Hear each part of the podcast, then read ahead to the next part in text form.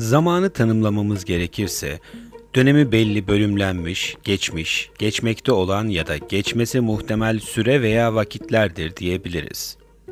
Kimi zaman çağ, devir, kimi zaman evre, kimi zaman ise bir işin oluşun ortaya çıkmasının hesabı için önemli bir sanal birim olarak karşımıza çıkan zaman mevhumu çoğunlukla bu podcast'in başında söylediğimiz haliyle hayatımızdaki yerini alır.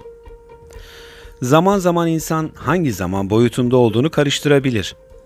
Geçmişi şimdiki yaşadığı halinin merkezine geçirerek kaygılarının esiri olabilir. Geleceğini geçmişiyle özdeşleştirip daha yaşamadığı bir hayali olmuş bitmiş bir zamanla mukayese edebilir ya da şimdi de duyumsaması ve tecrübe etmesi gereken olayları görmezlikten gelerek ruhsal olarak kör noktalarını oluşturabilir.'' Özellikle bir canlıyı işaret etmeden söyleyecek olursak, dünyamızda temel olarak insanlar, hayvanlar, bitkiler diye ayırdığımız canlılık türlerinin hepsinin zaman ile arasındaki ilişki geçmiş, şimdi ve gelecek mukabilindedir. Zaman her şeyin ilacıdır.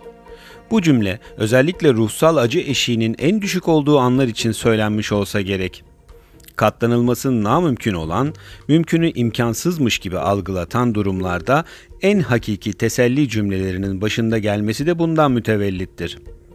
Bizleri bedbaht ve biçare hissettiren, adına acı, hüzün, keder dediğimiz ve ağır bir baskıyla duyumsadığımız hissi ifade edecek kelimeleri bulamadığımızda içine girip sessizce geçip gitmesini beklediğimiz bir hüzün mahallesi otobüsü gibidir.'' Zamanın ilaç niyetine kullanılması pek açlıkla ya da toklukla alakalı değildir. Sadece sayılabilir ve geçip gidebilir olması yeterlidir. Zira adına sayılabilen takvim zaman da diyebileceğimiz ve çeşitli şekillerde tükettiğimiz bir zaman modeli olan takvim, her ne kadar biz canlıları yaşlandırıp sona yaklaştırsa da hissettiğimiz dokunaklı anılarımızı da saymayı bıraktırıp başka farkındalıklar yaratır. Algılayış yönünden zamanın ikinci modeli ve zihin zaman diye de adlandırabileceğimiz bölümü sezgilerin ön planda olduğu fark edilebilir kavrayışların yaşandığı ve zamanın seçilebilir kısmı ile ilgilidir. Günümüzün popüler deyişiyle anda olmak, bu zaman boyutunda gerçekleşen ve gerçekleştiği anın zamanına uygun paralellikte oluşan bir derin algılayış biçimidir.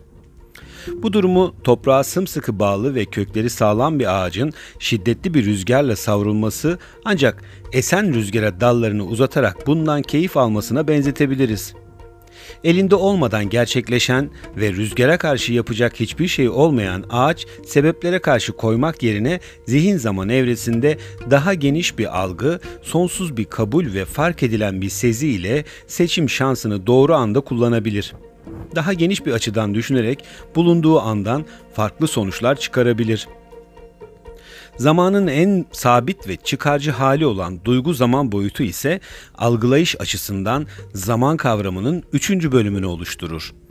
Duygu zaman evresi kurguların oluşturulup soyut anlamlar yüklenerek kendine has yan anlamların ve çıkarımların yapıldığı, yaşanılan ya da yargılanan duyguların acı verse bile yapılandırılmış bahanelerin arkasına saklanıldığı, mekansal olarak kendine dönük sözde güvenli alanların bencil ama korkularla dolu izafi bir zaman yitirilmiş kısmıdır. Sonuç olarak zaman kavramını geçip giden bir ırmağa, fark edip seçilen bir dımağa, kurgulanmış ve oynanan bir senaryoya benzetebiliriz.